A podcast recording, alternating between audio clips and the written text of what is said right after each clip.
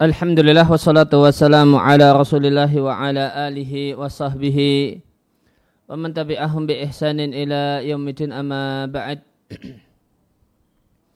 Kaum muslimin dan muslimah rahimani wa rahimakumullah.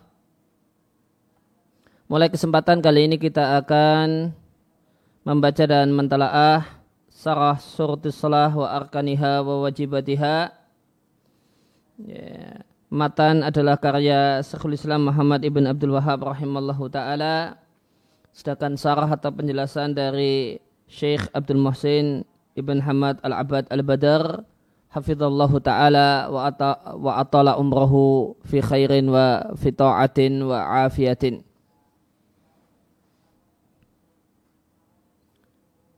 Dan sebagai gambaran umum, satu hal yang patut untuk diingat bahasanya Eh, buku matan yang ditulis oleh uh, Syekh Muhammad ini, ini secara fikih mengacu kepada uh, fikih madhab hambali. Maka dengan mengkaji ya, buku ini kita akan sedikit berkenalan dengan hal-hal ya, atau hal-hal dasar di madhab al-hambali. Kita mulai dari halaman 3. Bismillahirrahmanirrahim. Alhamdulillahi rabbil alamin. Wa sallallahu wasallam wa baraka ala abdihi wa rasulihi nabina Muhammadin. Wa ala alihi wa ashabihi ajma'in. Amma ba'd. Fahada syarhun. Maka ini adalah sarah untuk risalah karya Syekhul Islam Muhammad ibn Abdul Wahab rahimallahu ta'ala yang memuat syarat-syarat salat, rukun dan wajib-wajibnya. Dan dari dari judul ini saja sudah kita uh, jumpai nuansa uh, madhab hambali ya, karena yang berbeda dengan madhab syafi'i karena di madhab hambali ada istilah wajib sholat yang ini satu hal yang tidak ada dalam eh, madhab syafi'i. Fa'akulu aku katakan ya, risalah atau buku tipis ini memuat ya, syarat salat yang jumlahnya ada sembilan, rukun salat yang jumlahnya ada empat belas, dan wajib salat yang jumlahnya ada delapan. Dan ketika penulis rahimallahu ta'ala menyebutkan syarat yang keempat, dari sembilan syarat salat syarat keempat adalah raf'ul hadasi menghilangkan hadas Dakar beliau menyebutkan sepuluh syarat tohara dan furudul wudu'i atau rukun wudu yang jumlahnya enam dan wajib wudu yang jumlahnya satu yaitu atasmiyatu ma'adzikri yaitu menyebut nama Allah ketika ingat dan delapan dan pembatal wudhu yang jumlahnya ada delapan. Dan ketika beliau membicarakan tentang rukun salat, 14 rukun salat, beliau menafsirkan surat Al-Fatihah secara ringkas dan menjelaskan lafat, ya, doa istiftah dan bacaan tasyahud. Ya, maka di paragraf ini kita diberi gambaran oleh pensarah tentang uh, muatan dan kandungan matan. Ini, halaman 4. Surutus salati syarat-syarat salat. Surut jamak dari syartin.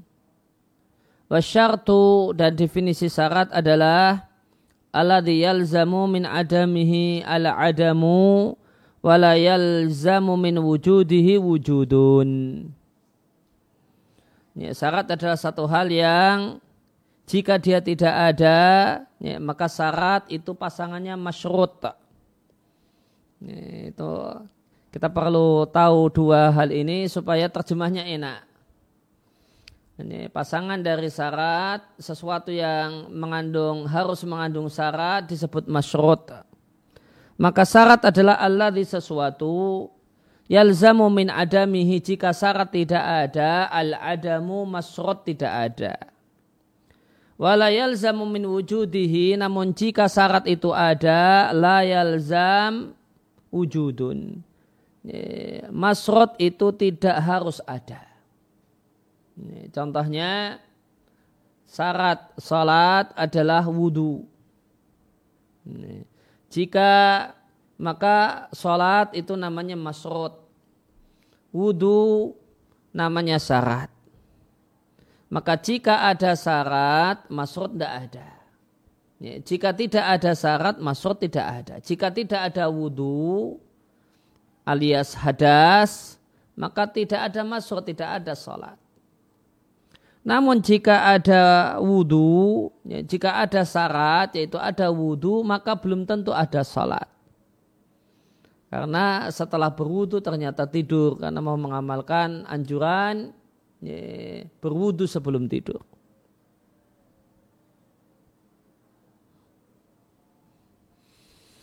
Ya, itu eh, gambaran tentang definisi syarat. Wal makna artinya anahu yalzamu menjadi sebuah keniscayaan min kaunil insani ghaira mutatahirin jika seorang itu tidak dalam keadaan berwudu maka mengharuskan Allah tasihalahu salatun. Salatnya tidak sah. Karena di antara syarat salat adalah toharah suci dari hadas kecil dan hadas besar menimbang sabda Nabi Shallallahu Alaihi Wasallam Allah tidak menerima eh, salat kalian jika dalam kondisi berhadas sampai dia berwudu terlebih dahulu. Diratkan oleh Al-Bukhari dan Muslim dari Abu Hurairah.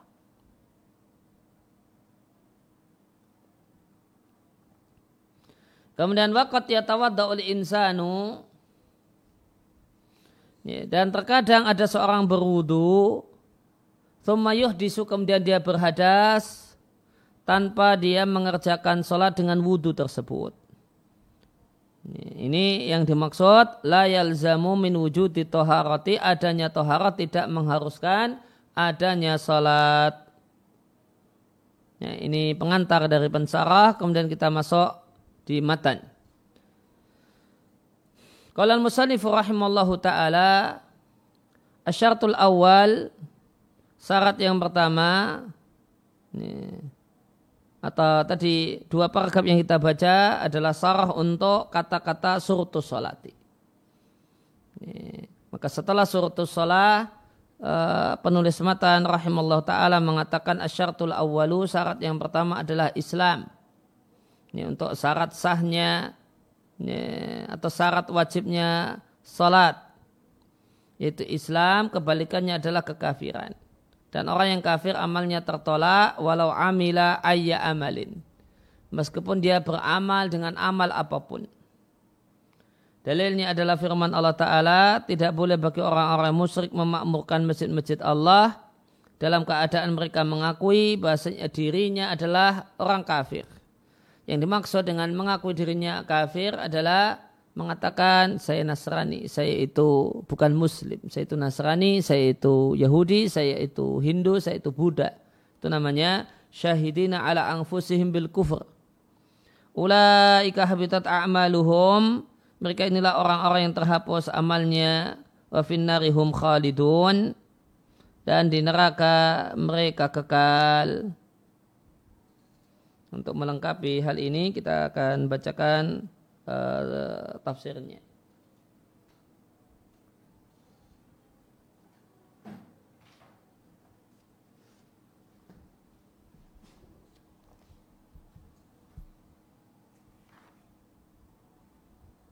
Di Al-Muqtasar fi tafsir disampaikan, ma yang beri tidaklah sepatutnya bagi orang-orang musyrik mem memakmurkan masjid-masjid Allah dengan ibadah dan berbagai macam ketaatan. Dalam kondisi mereka mengakui kalau dirinya kafir. Bima yudhirunahu minhu. Dengan kekafiran yang mereka nampakkan. Ulaika batalat a'maluhum. Mereka itulah orang-orang yang sia-sia amalnya. Karena kehilangan syarat diterimanya amal yaitu iman Wahum dan mereka pada hari kiamat akan masuk ke dalam neraka, mereka tinggal di dalam neraka selamanya kecuali jika mereka bertobat dari kemusyrikannya sebelum meninggal dunia. Demikian juga firman Allah Ta'ala di surat Al-Furqan ayat yang ke-23.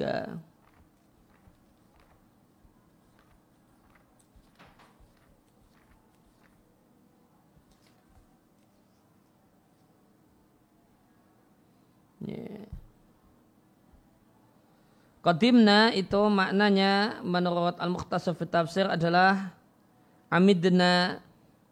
Kami sengaja mendatangi ila ma amilahul kufaru. Amal yang dilakukan oleh orang kafir di dunia berupa amal-amal kebaikan wal khairi dan amal kebaikan. Fasayyarnahu lantas kami jadikan amal kebaikan tersebut Ya, karena dia batal, karena dia sia-sia dan tidak bermanfaat disebabkan kafirnya, kami jadikan dia ya, mislal hubari al mufarok seperti debu yang bertebaran yang dilihat oleh orang yang memandang fi syia'i syamsi dalam uh, cahaya matahari yang masuk melalui jendela. Yeah. Maka habaan manthura itu di Al-Mukhtasar fi Tafsir dijelaskan dia adalah debu yang kecil. Ya, misalnya di pagi hari ada cahaya matahari masuk ke kamar ya, lewat ya, ya, lubang angin atau jendela, maka akan kita lihat ya, ada debu yang mbak kecil terlihat di sinar matahari tersebut yang masuk ke jendela, nah itu yang disebut dengan habaan. Ketika dia debu kecil itu banyak, ada titik-titik, maka itulah habaan manthura. Ya, halaman 5. Maka semua amal ya takarabu ila, uh, bihi ilallah yang digunakan untuk mendekatkan diri kepada Allah di tengah-tengah umat ini tidaklah manfaat bagi pelakunya kecuali jika dia didahului dengan syahadat la ilaha illallah Muhammadur Rasulullah. Sehingga amal tersebut dibangun di atas dua kalimat syahadat ini. Fala buddha min ikhlasil amalillahi maka tidak boleh tidak artinya menjadi sebuah keniscayaan memurnikan amal hanya untuk Allah dan beramal hanya untuk Allah itu adalah konsekuensi syahadat la ilaha illallah. Ya, dan labuddha dan tidak boleh tidak harus mengikuti Rasulullah Sallallahu Alaihi Wasallam inilah konsekuensi syahadat Muhammadur Rasulullah. Wakulu amalin semua amal yang dilakukan oleh orang kafir maka itu tidaklah manfaat bagi orang kafir tersebut di sisi Allah Azza wa Jalla karena kehilangan syarat Islam. Ini.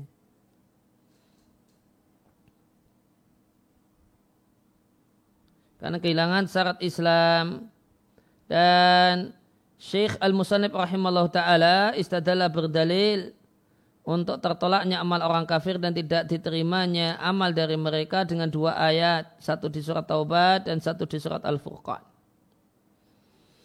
Lianna ayat At-Taubah karena ayat di surat At-Taubah khutimat ditutup dengan penjelasan terhapusnya amal orang-orang kafir. Sedangkan ayat di surat Al-Furqan bayanat menjelaskan bahasanya amal orang kafir itu tidak teranggap.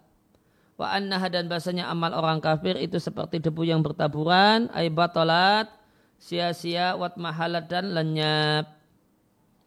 Ya, maka ya, setelah diutusnya Muhammad Sallallahu Alaihi Wasallam, ya, maka semua orang ya, yang hidup setelah diutusnya Muhammad Sallallahu Alaihi Wasallam ketika dia mau melakukan amal ibadah untuk Allah Subhanahu wa taala tidaklah manfaat kecuali didahului dengan dua kalimat syahadat.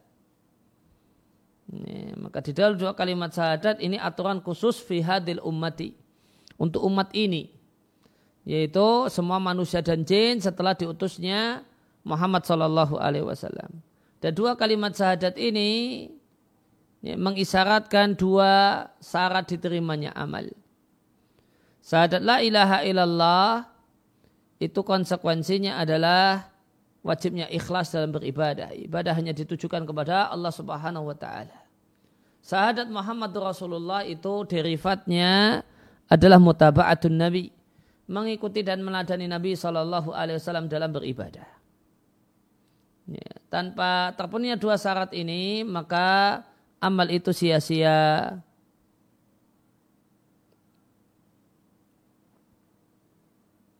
Nah, kemudian kembali ke matan. Athani yang kedua adalah berakal. Wadidu al-jununu dan kebalikan berakal adalah gila. Dan orang yang gila itu marfu'u anhul qalamu terangkat pena pahala dan dosa darinya sampai dia sembuh dari gilanya. Ini halaman 6. Wadalilu dan dalilnya adalah hadis rufi al-qalamu an thalathatin pena taklif pena dosa dan pahala itu terangkat dari tiga jenis orang. Orang yang tidur sampai dia bangun, orang yang gila sampai dia ya, sembuh dari gilanya, dan anak kecil sampai dia balik. Penjelasannya, maka orang yang sholat itu haruslah ketika sholat ayakuna hadir al akli. Ya, punya akal saat sholat. Laisa faqidan lahu tidak boleh dalam keadaan kehilangan akal. Bijununin karena gila atau karena mabuk. Karena orang yang gila itu terangkat darinya pena. Dan dia tidak sehingga dia tidak mukallaf, tidak terkena beban, terkena beban aturan syariat. Sedangkan orang yang mabuk dia menghilangkan akalnya sendiri Kemudian dia gabungkan dirinya sendiri bil majanin dalam rombongan orang-orang yang gila. Sehingga dia tidak uh, memahami salat yang dia kerjakan. Dan penulis rahimallahu ta'ala berdalil dengan hadis. Pena diangkat dari tiga jenis orang. Dan ini adalah hadis yang sahih. Dikeluarkan oleh Abu Dawud, Nasai, Ibnu Majah. Dari Aisyah radallahu anha. Ya, maka akal itu ada dua macam. Ya, yang pertama disebut dengan akal idrak. Ya, ya, akal idrak ini kebalikannya adalah gila. Kemudian yang kedua akalu rushdin. Ya, akal ya, ya, akal yang kebalikannya adalah safahun. Ya, ya, aklu rushdin itu artinya berakal dalam pengertian menimbang satu perkara baik-baik, uh, menimbangkan dampak dan kesudahan jika melakukan satu hal dan berpikir jauh ke depan. Ya, dan inilah akal yang hilang pada diri orang kafir. Sebagaimana firman Allah Subhanahu wa taala, "Wa qalu law kunna nasma'u aw na'qilu ma kunna fi ashabis sa'ir." Dan mereka mengatakan saatnya dulu ketika di dunia Ya, kami mau mendengar dan kami mau menggunakan akal, yaitu kami mau berakal, yaitu akal jenis yang kedua. Aklu rushdin. Makun nafi ashabi sa'ir, tentu kami tidak akan menjadi penghuni neraka.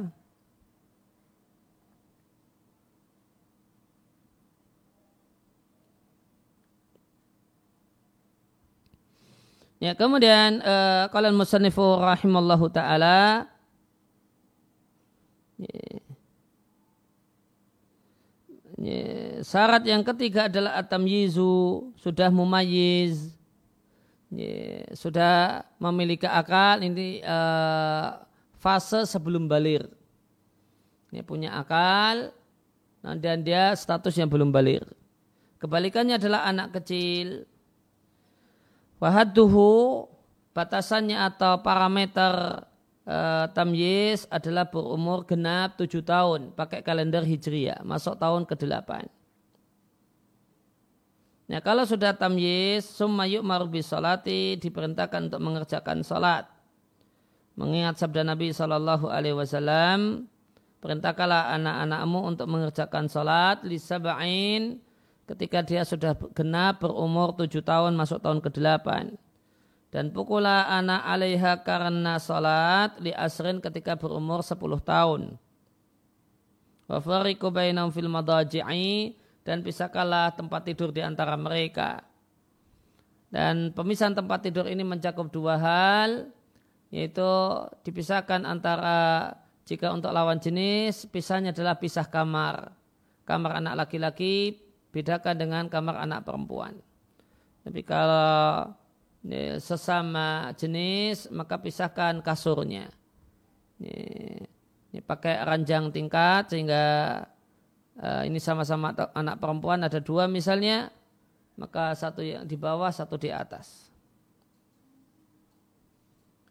Ya, penjelasannya. Jika asari anak kecil telah sampai usia tamyiz yaitu genap tujuh tahun, ingat uh, patokannya adalah kalender hijriah, genap tujuh tahun masuk tahun ke delapan. Maka anak tujuh tahun ini diperintahkan untuk mengerjakan sholat dan sholat untuk dia laisa ala sabilil ijab tidak dalam bentuk wajib. Karena wajib hanyalah ada setelah balik. Maka orang tua memerintahkannya untuk sholat di usia ini supaya terbiasa mengerjakan sholat wal ityan biha dan mengerjakan sholat dalam bentuk yang benar yang disyariatkan. Dan jika telah sampai usia 10 tahun, maka ditekankan untuk memerintahkan anak biha mengerjakan sholat dan memberikan hukuman yang mendidik bukan yang menyiksa ala dalika ya, untuk masalah sholat dengan pukulan yang tidak menyakitkan. Berdasarkan sabda Nabi Shallallahu Alaihi Wasallam, perintahkan anakmu untuk mengerjakan sholat li sab'in ya, manakala berumur sudah genap tujuh tahun dan di hadis yang sahih dikeluarkan oleh Ahmad, Abu Dawud dari Abdullah bin Amr radhiallahu anhuma dan dikeluarkan oleh Abu Dawud dari hadis Sabra ibn Ma'bad al-Juhani radhiallahu anhu. Kemudian syarat yang ketiga qala al-musannifu rahimallahu ta'ala syarat yang keempat qala al-musannifu rahimallahu ta'ala syarat yang keempat adalah menghilangkan hadas. sengaja menghilangkan hadas.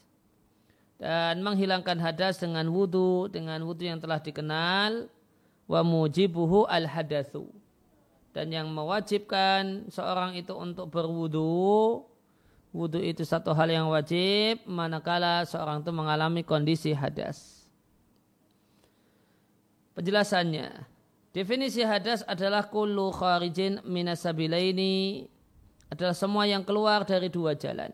Wakada demikian juga ayuna qidinil wudu'i semua pembatal wudu. Dan hadas itulah yang mewajibkan dan mengharuskan wudu. Halaman 8 dan hadas ada dua macam. Hadas besar itulah yang mewajibkan mandi. Hadas besar bentuknya junub, haid dan nifas. Kemudian yang kedua hadas kecil wa wa mayujibul wudu'a itulah yang mengharuskan wudu. Waraful hadas dan sengaja menghilangkan hadas itu caranya kalau hadasnya hadas besar dengan mandi, kalau hadasnya hadas kecil dengan wudu. Dan wudu ini berlaku liman wajadal ma'a untuk orang yang menjumpai air atau punya kemampuan untuk menggunakan air. Maka jika seorang itu tidak menjumpai air atau menjumpai air akan tapi dia tidak mampu menggunakannya untuk kila maka berpindah. Ya, cara sengaja menghilangkan hadas besar dan hadas kecil dengan cara tayamum. Dan jika seorang itu telah selesai tayamum untuk hadas besar kemudian menjumpai air, maka irtasala dia wajib mandi. Menimbang sabda Nabi Shallallahu Alaihi Wasallam, Inna sa'idat tayyibasnya sa'id atau kurang lebih debu yang suci yaitu tidak najis. Tahurul muslimi adalah alat bersucinya seorang muslim meskipun dia tidak menjumpai air selama 10 tahun. Jika dia menjumpai air fal yamussahu basyaratahu maka adalah dia ya, tuangkan air itu pada kulitnya. Fa inna khairun maka itulah yang lebih baik. Diatkan oleh At-Tirmidzi dan yang lainnya dari Abu Dzar. At-Tirmidzi mengatakan hadis hasan sahih. Ya, maka di sini kita jumpai bahasanya tayamum itu toharoh sementara. Tayamum sebagai pengganti mandi, demikian juga uh, misalnya itu bersifat sementara. Nanti kalau dapat air, entah bisa menggunakan air, maka wajib mandi. Maka tohara dengan tayamum sifatnya sementara. Sehingga dari sudut pandang ini, sebagian ulama fikih menilai bahasanya tayamum itu tidaklah mensucikan, namun hanya membolehkan untuk sholat. Karena sifatnya yang bersifat sementara. Nah, kemudian wa idza irtasala man alaihi hadasun akbar. Jika ya, ada orang yang alaihi hadasun akbar, dia dalam kondisi punya hadas besar, mandi Wanawa dan dia berniat untuk menghilangkan hadas besar. Ya. Dan dia berniat dua menghilangkan hadas besar dan hadas kecil. Irtafa'a maka dua hadis ini dua-duanya hilang. Syaratnya mandinya adalah mandi karena hadas besar. Ada jika dia menyiramkan air pada badannya dan itu mandinya mandi Jumat. Awit tabarut atau mandi untuk menyegarkan badan. Kemudian dia berniat untuk menghilangkan hadas kecil maka hadas kecil tidaklah hilang. Tidaklah hilang. Karena mandi ini laisa fihi tidak ada padanya raf'u hadasin menghilangkan hadas.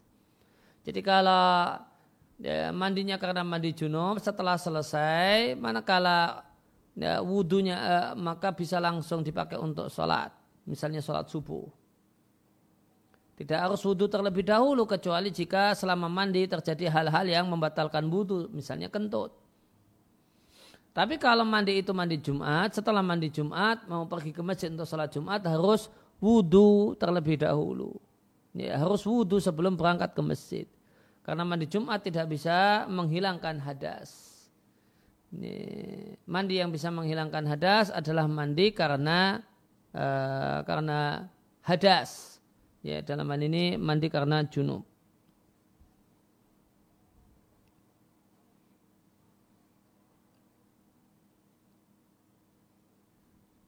Nah, kemudian uh, setelah Mbak menyinggung syarat yang keempat untuk uh, ya, syarat sholat maka kemudian penulis melebar membahas tentang masalah wudhu surutul wudhu'i syarat wudhu kalau al-musannifu rahimallahu ta'ala syarat wudhu ada sepuluh. Ini terdiri dari ya, syarat wajib dan syarat sah. Syarat wajibnya wudhu dan syarat sahnya wudhu Ya, yang pertama adalah Islam, kemudian berakal, bukan orang kafir, berakal bukan orang gila, tamjiz bukan anak kecil, atau bukan pula orang yang pikun. Kemudian niat, niat untuk berwudu. Kemudian mempertahankan hukum niat sampai wudhu selesai. Yang dimaksud istishab hukum niat adalah tidak berniat untuk memutus niat sampai wudhu atau tohara selesai. Kemudian ingkita umujibin telah putus dan berhentinya mujibin hal yang mewajibkan wudhu. Hal yang mewajibkan wudhu itu apa? Hadas. Ini. Maka di antara syarat sah wudhu adalah ingkita umujibin telah berhentinya hadas. Artinya ya, nanti akan dijelaskan lebih lanjut. Artinya tidak boleh orang itu wudhu sambil bunyi kentut. Ya, kentutnya masih dalam proses, ya, masih bunyi karena panjang. Nah, sambil ketika itu sambil basuh muka. Jadi pas basuh muka, uh, ya posisinya kentut masih berjalan. Ya, maka ini tidak sah wudhunya. Karena belum ingkita umujibin, belum berhenti faktor yang mengharuskan wudhu yaitu hadas. Kemudian istinja cebok dengan istinja itu cebok dengan air atau istijmar cebok dengan batu qablahu sebelum berwudu. Kemudian air yang dipakai air yang tahur, suci dan mensucikan. Wa ibahatuhu dan air yang dipakai air yang mubah. Kemudian menghilangkan hal yang menghalangi sampainya air ke kulit dan masuknya waktu untuk orang yang hadasnya terus menerus. Lifardihi untuk uh, mengerjakan salat yang fardu atau tibanya waktu salat fardu untuk orang yang hadasnya terus menerus. Taqaddam al-kalam telah lewat pembahasan tentang syarat Islam, akal dan tamyiz.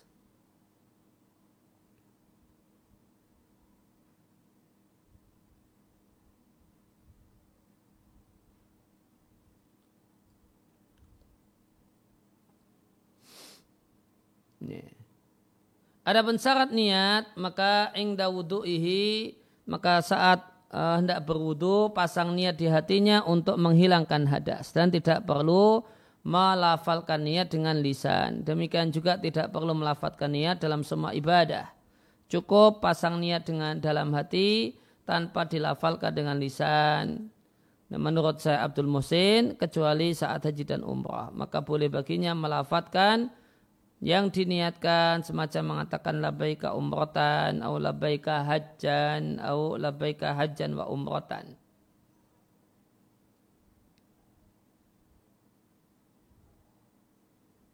Ya, maka uh, di sini kita jumpai pandangan uh, pensaras Abdul Musin bahasanya melafalkan niat itu tidak dituntunkan dalam semua ibadah kecuali untuk haji dan umrah.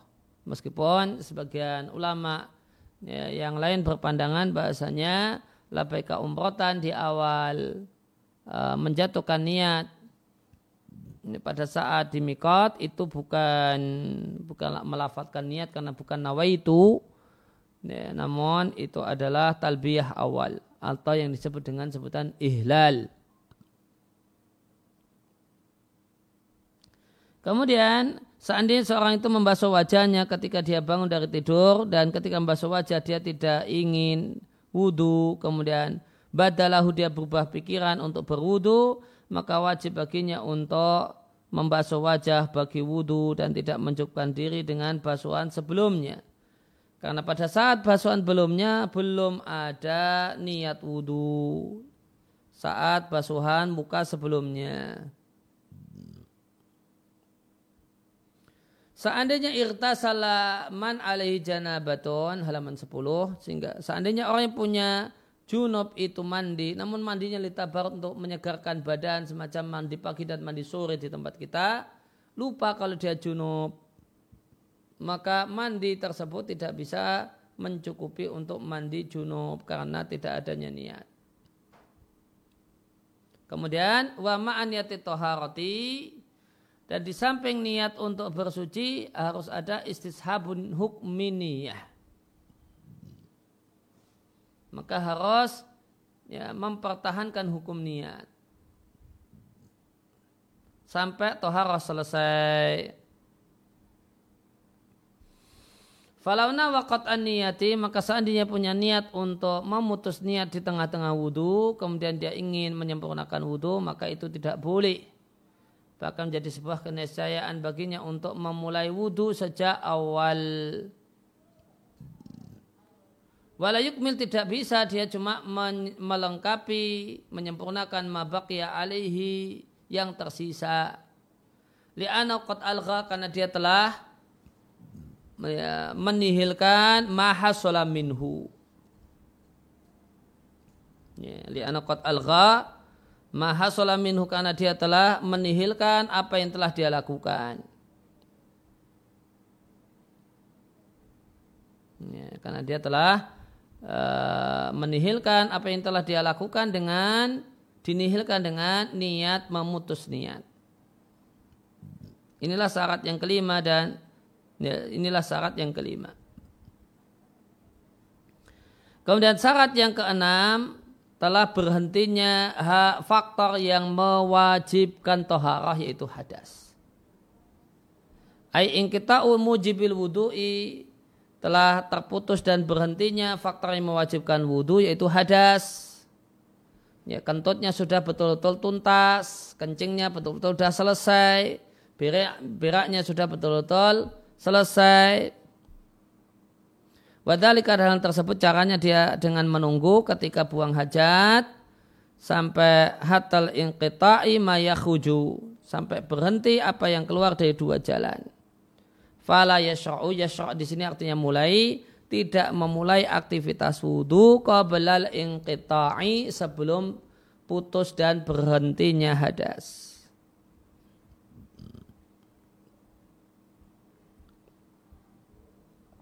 Dan syarat yang ketujuh adalah istinja atau istidmar sebelum berwudu. Istinja itu cebok dengan air, istidmar itu cebok dengan non air, batu, tisu atau yang lain. Ya ketentuan harus e, cebok terlebih dahulu. Ini berlaku idakan al khariju jika yang keluar jika hadas yang keluar dari dua jalan bentuknya kencing atau berak. Adapun jika bentuk yang keluar dari dua jalan itu angin, maka tidak ada keharusan istinja dan istidmar.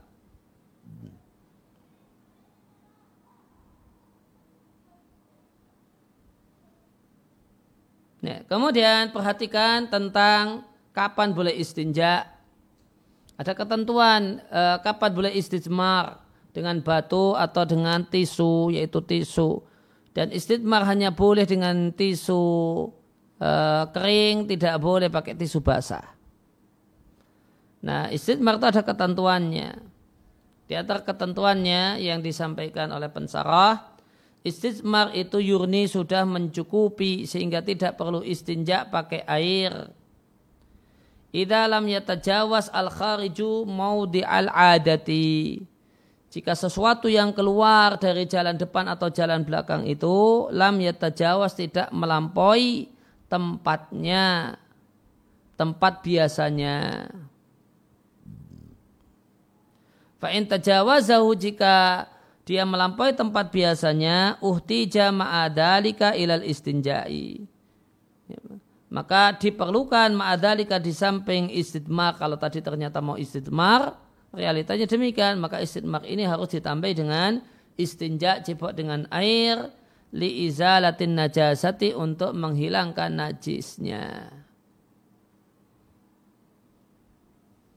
Ya, artinya ya, ya, kalau orang itu berak maka bisa jadi beraknya normal. Kalau beraknya normal bisa istidmar pakai tisu.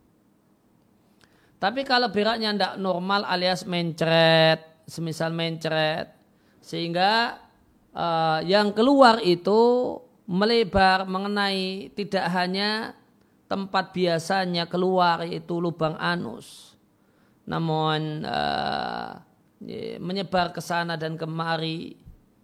Karena mencret, maka kalau kondisinya kondisi mencret itu tidak bisa ceboknya dengan tisu. Ya, tidak bisa istijmar. Harus istinja pakai air. Karena istijmar itu khusus manakala keluarnya normal dari maudiul hajah. Cuma di ya, lubang tempat keluarnya ya, hadas biasanya. Itu kalau dalam ini berak ya cuma lubang anus saja. Kalau nyebar ke kiri ke kanan, nah itu harus kiri kanannya harus istinja. Ini karena kiri dan kanannya harus istinja, maka kesimpulannya seandainya istinmar harus ditambah istinja. Jika tidak, maka ya istinja saja dengan air. Demikian juga kalau kencing, untuk laki-laki itu tentu ada lubang uh, lubang air seni. Nah, jika lubang air seni itu airnya maaf langsung keluar, jadi lancar langsung keluar maka boleh istitmar pakai batu atau pakai tisu. Non jika airnya tidak langsung memancar namun malah melebar eh, ke kiri dan kanan lubang kencing, ya, di sini tidak bisa dan tidak sah dan tidak cukup dengan istitmar. Ya, kalau istitmar harus plus istinja atau istinja saja. Kemudian syarat yang kedelapan di halaman 11, air yang dipakai itu air yang tohir, to, air yang tohur suci dan mensucikan. Ditambah airnya harus air yang mubah. Ini. Kalau airnya itu tidak air yang mubah karena air curian, misalnya jebol uh, eh, PDAM, sehingga tidak kena uh, meterannya, ini air curian, ya, maka dalam madhab uh, hambali tidak sah dipakai untuk berwudu. Wahumma dan dua hal ini sebenarnya dua poin.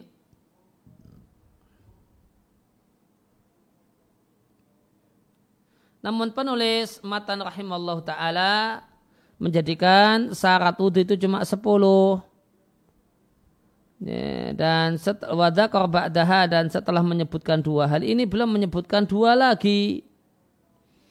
Wa alaha berdasarkan hal ini bisa kita anggap bahasanya beliau iktabar menilai air itu tohur dan air itu mubah itu satu syarat. Sehingga atau disyaratkan untuk air wudhu haruslah air itu air yang tohur, air yang suci dan mensucikan maka tidak boleh ayat tohar berwudu dengan air yang kena najis. Kemudian air yang dipakai untuk berwudu harus air mubah, bukan air hampis uh, air yang dapat dari merampas. Ada orang punya aqua, botol aqua yang bersih air dan dirampas untuk dipakai wudu. Uh, maka ini wudu yang tidak boleh dan bahkan tidak sah dalam madhab hambali. Wahadal akhir dan tentang kewajiban tentang keharusan air itu harus air yang mubah. Satu hal yang diperselisihkan ulama. Mengatakan ini menjadi syarat sahnya wudhu satu hal yang nadorun kurang tepat. Wal adhar pendapat yang lebih kuat siapa yang berwudhu dengan air hasil rampasan atau air hasil curian dan yang lainnya wudhunya sah namun dia berdosa karena telah merampas mencuri dan yang lainnya. Dan semisal itu orang yang sholat di tanah hasil rampasan. Contohnya ini lima bersaudara, anak pertama anak laki-laki, kemudian anak laki-laki ini mengambil semua jatah warisan atau sebagian besarnya. Sisanya baru dibagikan pada adik-adiknya. Ya, maka dia merampas hak adik-adiknya di, uh, di di tanah warisan tersebut. Maka menurut madhab hambali, orang yang sholat di tanah rampasan, sholatnya tidak sah. Atau sholat pakai kain sutra, maka sholatnya itu dalam madhab hambali, sholatnya tidak sah. Namun pendapat yang dipilih oleh Syekh Abdul Musin, sholatnya sah namun dia berdosa karena merampas dan karena memakai pakaian sutra.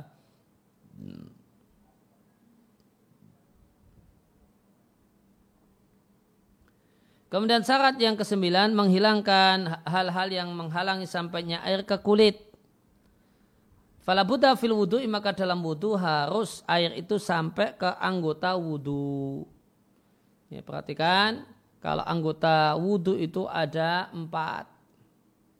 Ya, anggota wudhu ada empat, anggota tayamum itu ada dua.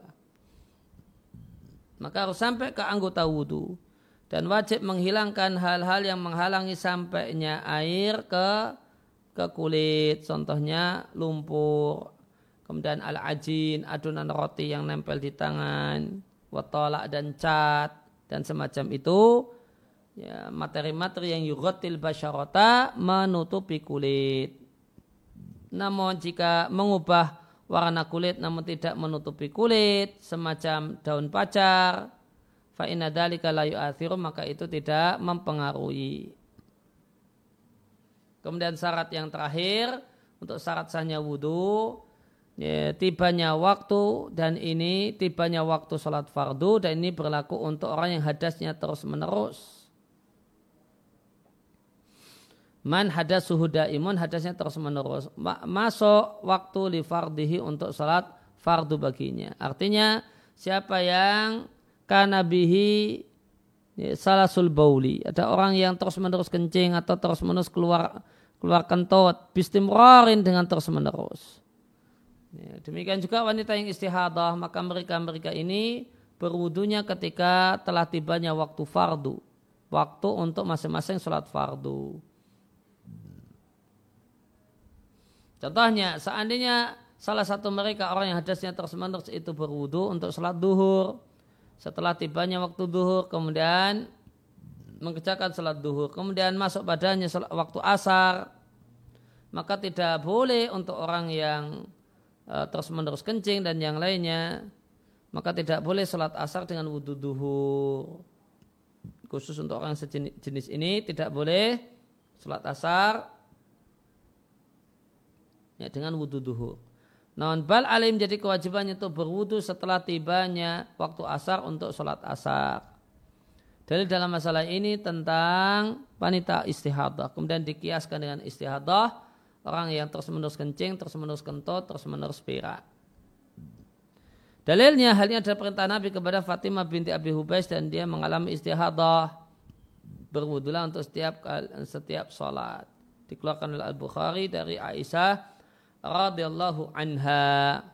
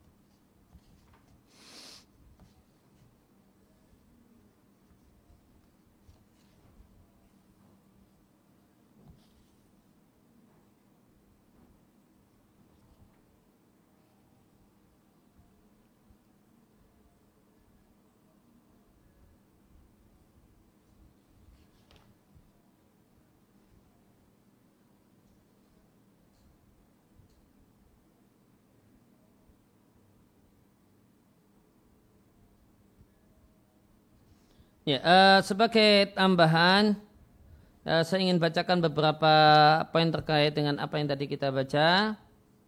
Saya akan tambahkan dari uh, kitab fikih Madhab Hambali, uh, sarah untuk satu matan fikih bidayatul uh, salah satu matan fikih dasar dalam Madhab Hambali bidayatul abid wa kifayatul zahid. Ya, sarahnya yang akan saya bacakan dari uh, Munyatus Sajid ya, tentang syarat wudhu. Ya, tadi disampaikan bahasanya syarat wudhu ada sepuluh.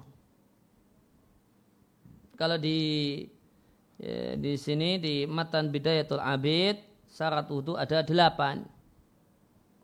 Maka syarat wudhu dan ini walau mustahaban meskipun wudhunya wudhu mustahab itu berlaku padanya uh, syarat ini Ya, kalau di matan ya, mbak bidayatul abid ada delapan, kalau di matan suratul solah ada sepuluh. Kalau di al-iqna dan al-muntaha ada ya, ada sembilan. Salah satunya yang tadi juga sudah kita baca, ingkita'u ma yujibuhu. Telah berhentinya faktor yang mewajibkan wudhu, yaitu hadas. Ya, baik faktor yang mewujudkan wudhu tersebut sesuatu yang keluar, kencing, kentut atau berak, maka harus tuntas dulu baru wudhu. Tuntas dulu, kalau itu kencing dan berak kemudian ditambah istinja baru boleh wudhu. Atau menyentuh dakar, ya, tidak boleh wudhu sambil kegiatan menyentuh dakarnya itu belum selesai, sambil dah nyicil wudhu tidak boleh. Selesaikan dulu. Kemudian niat berdasarkan hadis Umar innamal a'malu bin niat. Ya, amal itu berdasarkan niat.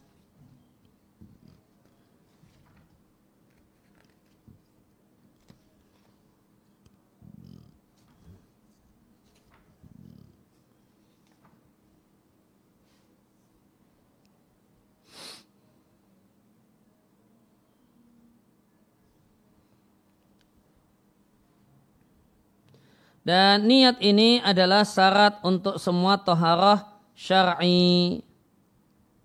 Ya, semua toharah syar'i itu disyaratkan harus dengan harus ada padanya niat. Selain empat hal. Ya, ada empat hal yang tidak disyaratkan niat. Yang pertama menghilangkan najis maka tidak ada syarat niat untuk menghilangkan najis.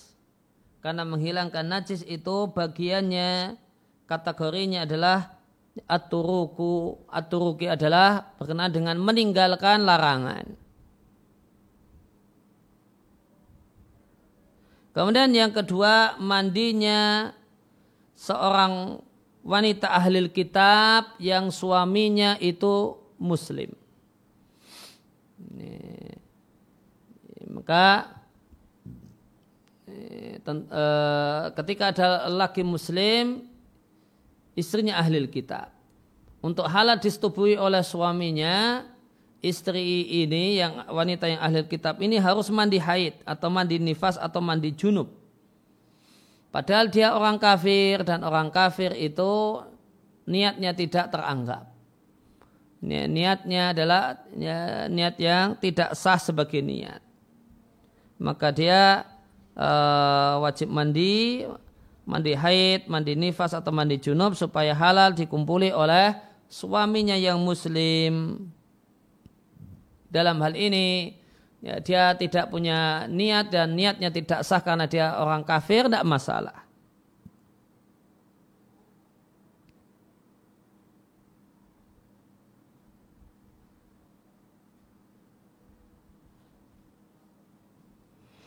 Kemudian yang ketiga ada seorang istri muslimah yang sudah selesai haid atau nifasnya kemudian dia tidak mau mandi. Maka bisa dimandikan secara paksa supaya halal dikumpuli oleh suaminya. Maka niat dalam hal ini tidak teranggap karena udur. Seperti orang yang menolak untuk bayar zakat. Maka diambil secara zakat darinya secara paksa dan niat dia untuk membayar zakat itu tidak teranggap.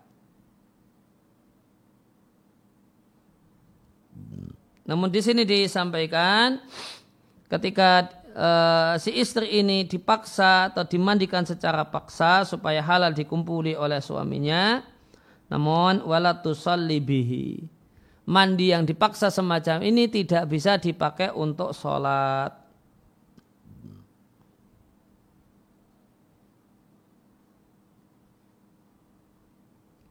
Kemudian yang keempat ada toharah syar'i yang tidak perlu niat adalah mandinya wanita yang e, gila setelah selesai atau nifas baik muslim ataupun ahli kitab, merdeka ataupun budak. Ya, maka tentu karena gila tidak punya niat. Maka niatnya tidak teranggap karena mustahil dia punya niat. Sehingga yang memasangkan niat untuknya adalah yang memandikannya. Kemudian di antara syarat sah wudhu tadi ada Islam sebagaimana ibadah-ibadah yang lain. Kemudian akal sehat bukan gila. Uh, supaya dia punya niat dan tamjiz karena kalau belum tamjiz dia tidak bisa pasang niat. Kemudian dalam madhab, uh, kemudian air yang dipakai harus air tahur suci dan mensucikan.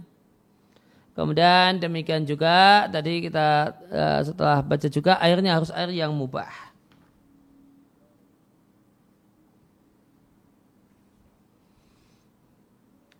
Maka fala yasyum maka tidak sah wudu jika menggunakan air hasil rampasan, hasil curian dan yang lainnya.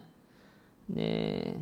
Demikian dalam resminya madhab hambali demikian menimbang hadis ibunda Aisyah radhiallahu anha Nabi Shallallahu Alaihi Wasallam menyampaikan siapa yang mengada-ada dalam agama kami ini sesuatu yang bukan bagian darinya maka dia tertolak. Nah wudhu dengan air hasil curian atau hasil rampasan itu bukanlah bagian dari ajaran Nabi. Sehingga malai minhu termasuk malai minhu. Sehingga fawaradun tertolak. Wa anhu namun dari Imam Ahmad ada pendapat yang kedua dari Imam Ahmad sah namun dosa karena merampas.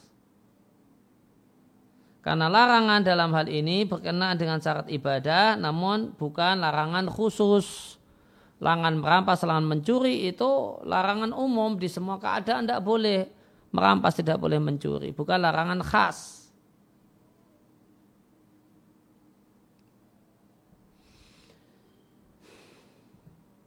Kemudian di antara syarat sawudu adalah izalatu mayam na'uwusulahu.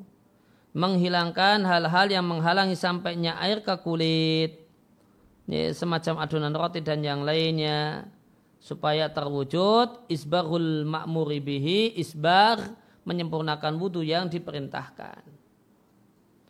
Wafi wajahin, di salah satu wajah, wajah itu pendapat ulama madhab. Maka ada ulama Hanabilah yang punya pendapat yang lain dan pendapat yang lain ini di, disepakati oleh Syekhul Islam Ibn Taimiyah rahimallahu taala.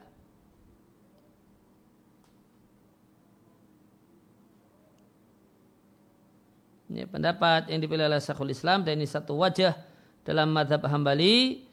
Jika uh, kotoran sedikit pada kuku dan yang lainnya. Demikian juga darah yang sedikit ini, atau adonan roti yang sedikit itu menghalangi sampainya air, toharoh tetap sah. Toharoh tetap sah. Jadi bisa jadi di kuku ada hitam-hitam. kalau hitam-hitam ini sedikit, Kemudian karena hitam-hitam kuku ini akhirnya air wudhu tidak sampai ke kuku ya, dan ya, disamakan dengan uh, kotoran kuku yang sedikit, darah yang sedikit, kemudian sisa adonan roti yang sedikit. Ya, meskipun ini menghalangi sampainya air ke kulit, tohar tetap sah menurut ya, Syekhul Islam Ibn Taimiyah rahimallahu taala dan beliau adalah ulama madhab Hambali dan ini adalah salah satu wajah dalam madhab Hambali. Alasannya apa? Li'anna liyasira ma'fuun anhu. Karena kalau sedikit itu dimaafkan dalam syariat, ya, dalilnya kias dengan bekas istijmar. Kalau seorang itu cebok dengan bentuk istijmar dengan batu, maka tentu tidak bersih. Ya, ada sisa-sisa yang tersisa karena kalau yang betul-betul bersih itu pakai air. Nah, meskipun ada sisa-sisa sedikit dimaafkan. Sehingga dari sini kemudian diambil kaidah global bahasanya yang sedikit itu dimaafkan dalam syariat. Kemudian syarat yang lainnya adalah istinja dan istitmar sebelum berwudu manakala hadasnya berupa kencing dan berak. Dan tidak ada kewajiban berwudu e, tidak ada kewajiban istinja manakala yang keluar adalah kentut. Kemudian tibanya waktu sholat fardu bagi orang untuk orang yang hadasnya terus menerus tiba sholat fardu waktu itu. Dalilnya sabda Nabi Shallallahu Alaihi Wasallam kepada Fatimah binti Hubais yang dalam kondisi haid berudulah untuk setiap sholat sampai datang waktu tersebut dan dikiaskan dengan uh, dianalogkan dengan wanita istihadah salisul baul orang yang terus menerus kencing atau orang yang terus menerus kentut dan seterusnya.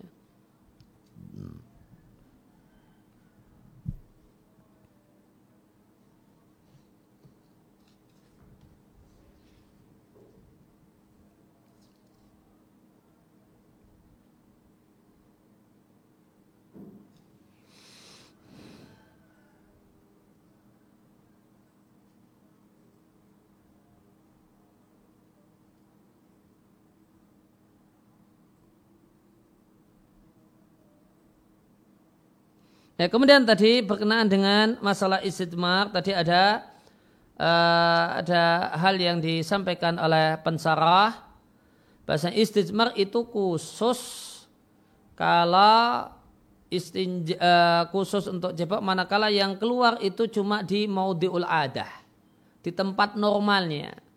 Kalau yang keluar itu tidak normal menyebar ke kiri dan ke kanan baik ya, karena mencret atau karena kencingnya itu ya ada kondisi khusus sehingga airnya air kencing air seni itu menyebar maka harus istinja.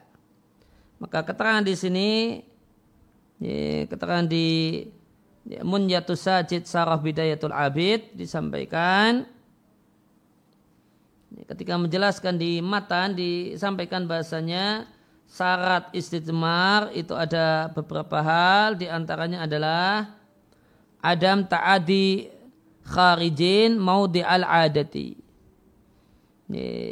Materi hadas yang keluar itu tidak melebar lebih dari tempat normalnya.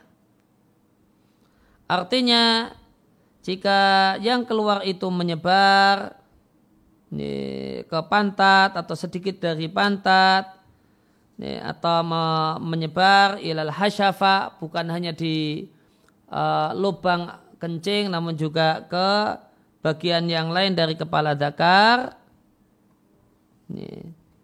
Fala yujzi'u fihi ilal ma maka tidak sah ya, cebok kecuali harus dengan air.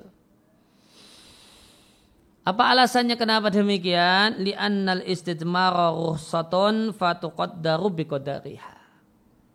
Karena istidmar itu statusnya ruhsah ya, sehingga cuma secukupnya saja. Ya secukupnya ya cuma untuk itu saja. Manakala keluar di lubang normalnya.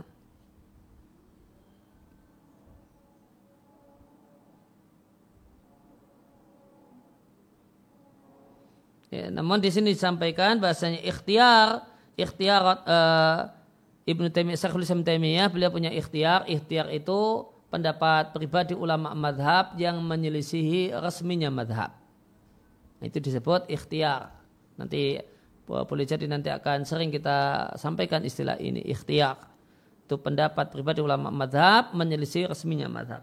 Kalau Syekhul Islam Taimiyah punya ikhtiar, punya pendapat pribadi bahasa istijmar itu mencukupi meskipun melebar. Meskipun hadas yang keluar itu melebar dan ditambah lagi bahasanya melebar itu tidak memiliki batas. Nah kenapa beliau mengatakan istimar juga tetap boleh? Ya, ketika mencret itu tetap boleh istimar. Alasan beliau li umumi adilatil istimari karena dalil-dalil yang membenarkan istimar itu bersifat umum. Tidak membatasi, tidak ada di sana pembatasan. Oh ini kalau normal, kalau mencret tidak boleh demikian. Tidak ada uh, penjelasan semacam itu. Uh, kemudian alasan yang kedua karena istitmar itu toharat dalam bentuk mengusap. Bukan membasuh. Waqat khufifa fi aslihi.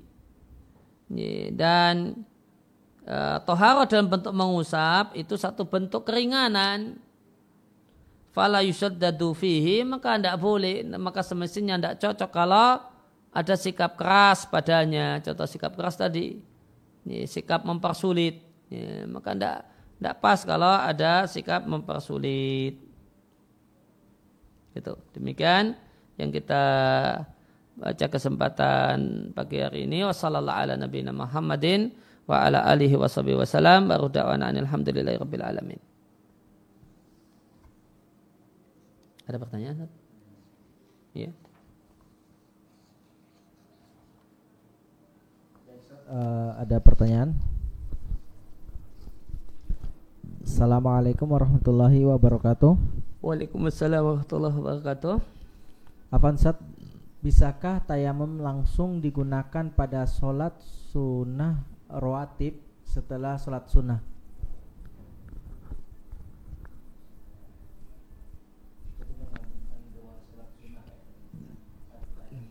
Ya satu tayamum untuk beberapa sholat sunnah eh, hukumnya boleh. Jadi kalau yang bermasalah, eh, ya kalau satu tayamum dipakai untuk dua sholat fardu, maka ini tidak boleh dalam madhab syafi'i. Ya, tayamum hanya bisa untuk satu fardu, adapun sunnahnya bisa sebanyak-banyaknya dengan tayamum tersebut. Nah, Baik saat uh, eh, berikutnya saat barakallahu fiik. Wallahi fikum. Sin bertanya saat apakah mengucapkan niat saat berwudu itu masuk ikhtilaf muktabar yang harus saling menghormati perbedaan di dalamnya Ustaz? Ya, betul. Yaitu satu hal yang uh, satu hal yang diperselisihkan oleh para ulama. Ya, maka ya, tidak menutup pintu diskusi namun tidak semestinya uh, terlalu frontal menyalah-nyalahkan. Ya, dengan catatan uh, ya, ya, ya uh, karena melafalkan niat itu satu hal yang dianjurkan dan itu resminya Syafi'iyah demikian juga pendapat resmi dari Hanabilah. Nah. Baik, saat uh, berikutnya saat apakah ada syarat berapa banyaknya di dalam bak air yang sah untuk berwudu saat karena tidak tersedia air ledeng khawatir air di bak tersebut tercipar air sabun mandi. Barakallahu fi kalau terpecik sabun mandi artinya tercampur dengan materi yang suci ya, maka jika cuma sedikit maka tidak masalah. Ya, karena yang menyebabkan uh, air itu tahir suci namun tidak mensucikan manakala kecampuran materi suci semacam sabun mandi atau sampo dalam kadar yang banyak. Sehingga jadilah air tersebut kita katakan air sabun atau air sampo. Adapun kalau sedikit tidak masalah. Nah. Baik Sat, uh, berikutnya ahsanallahu ilaikum Sat wa ilaikum saat apa hukum berwudu dengan menggunakan gayung untuk mengambil air di lalu mengambil air di dalam gayung itu menggunakan tangan ketika wudhu apa tidak masuk air mustakmal? Kalau pakai sudut pandang Syafi'iyah tidak masalah. Ya, ya dan ya, ya itu diperbolehkan ya, dengan uh, dengan syarat ini kalau pakai sudut pandang syafi'iyah ya. Ya dengan syarat ada niatul irtiraf. Niat untuk menjadikan tangan itu sebagai gayung. Ya, maka jika ada niat tangan itu jadikan sebagai gayung maka untuk ngambil air yang ada di gayung tidak mengapa. Karena ini tangannya juga gayung. Ya, itu tidak uh, ya, ya, ya, ya, tidak masalah. Gitu Bahkan kalau orang awam uh, fatwa dari uh, para ulama Syafi'iyah ya, lebih dilonggarkan lagi. Kalau orang yang sudah belajar fikih Syafi'iyah maka di, diharuskan ketika air uh, tangan itu dimasukkan ke ember atau dimasukkan ke gayung itu uh, tangannya diniatkan di, sebagai gayung. Ya. Tapi kalau orang untuk orang awam yang melakukan demikian meskipun tidak ada niat menjadikannya sebagai gayung di, di dinilai tidak masalah. Nah. Baik Ustaz, uh, pertanyaan berikutnya barakallahu fiik Ustaz. Mau bertanya tentang sholat dengan air di atas tanah rampasan. Konsekuensinya berlaku untuk yang merampas saja atau semua yang menggunakan air atau di di tanah rampasan saja ya semua yang yang yang memanfaatkannya. Ya semua yang memanfaatkannya. Kalau tahu ini air curian ya kalau ya, airnya air ini maka yang memakai baik dia yang mencuri ataukah bukan yang ikut memanfaatkan air curian itu uh, wudhunya dari sudut pandang madhab hambali wudhunya tidak sah. Nah. Baik saat uh, eh, berikutnya saat Assalamualaikum warahmatullahi wabarakatuh. Waalaikumsalam warahmatullahi wabarakatuh. Saat bagaimana untuk wudhu kepala hanya ditepuk-tepuk ujung rambut itu sudah masyur di masyarakat apakah sah Zat? Ya, karena uh, mereka yang melakukannya mengacu pada madhab syafi'i maka demikian itu sah ya, dengan cukup sedikit uh, sebagian kepala saja dibasahi meskipun nanti kalau dalam madhab hambali ya, mengusap kepala itu harus semua kepala semua rambut kepala tidak boleh kalau cuma sebagian saja. Nah, namun uh, orang-orang yang mengamalkan di masyarakat kita mengacu pada madhab syafi'i bertindak dari situ ya dan itu memang boleh dalam madhab syafi'i. Nah. Pertanyaan berikutnya saat Assalamualaikum warahmatullahi wabarakatuh. Waalaikumsalam warahmatullahi wabarakatuh. Saat bagaimana caranya membaca Bismillah jika berwudu di dalam, di dalam kamar mandi Ustaz?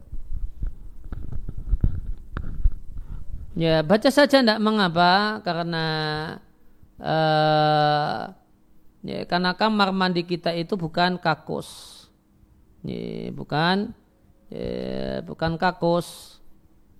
Yang tidak boleh itu uh, membaca nama Allah di jamban atau di kakus, ya. Uh, dan yang dimaksud dengan jamban itu adalah tempat buang hajat dalam keadaan materi najisnya ada di situ. Sedangkan kamar mandi kita yang umumnya normalnya ada di di zaman ini maka najisnya itu sudah pergi disiram dan pergi sudah di lain tempat sehingga baca saja basmalah di dalam kamar mandi tidak mengapa nah uh, pertanyaan berikutnya ahsanallahu ilaikum Ustaz Waalaikum. Saat bagaimana cara melakukan sholat sunnah wudhu? Apa niatnya bisa digabung dengan tahiyatul masjid dan rawatib? Wallahu taala a'lam ya insya Allah boleh uh, digabung antara niat habis sholat habis wudhu kemudian dengan rawatib misalnya dan plus tahiyatul masjid. Nah, baik saat yang terakhir uh, untuk tayamum Ustaz kalau sholat fardu kemudian dilanjutkan untuk sholat sunnah apakah boleh? Jawabannya boleh. Nah, demikian subhanakallahumma wa bihamdika asyhadu an la ilaha illa anta astaghfiruka wa atubu ilaik.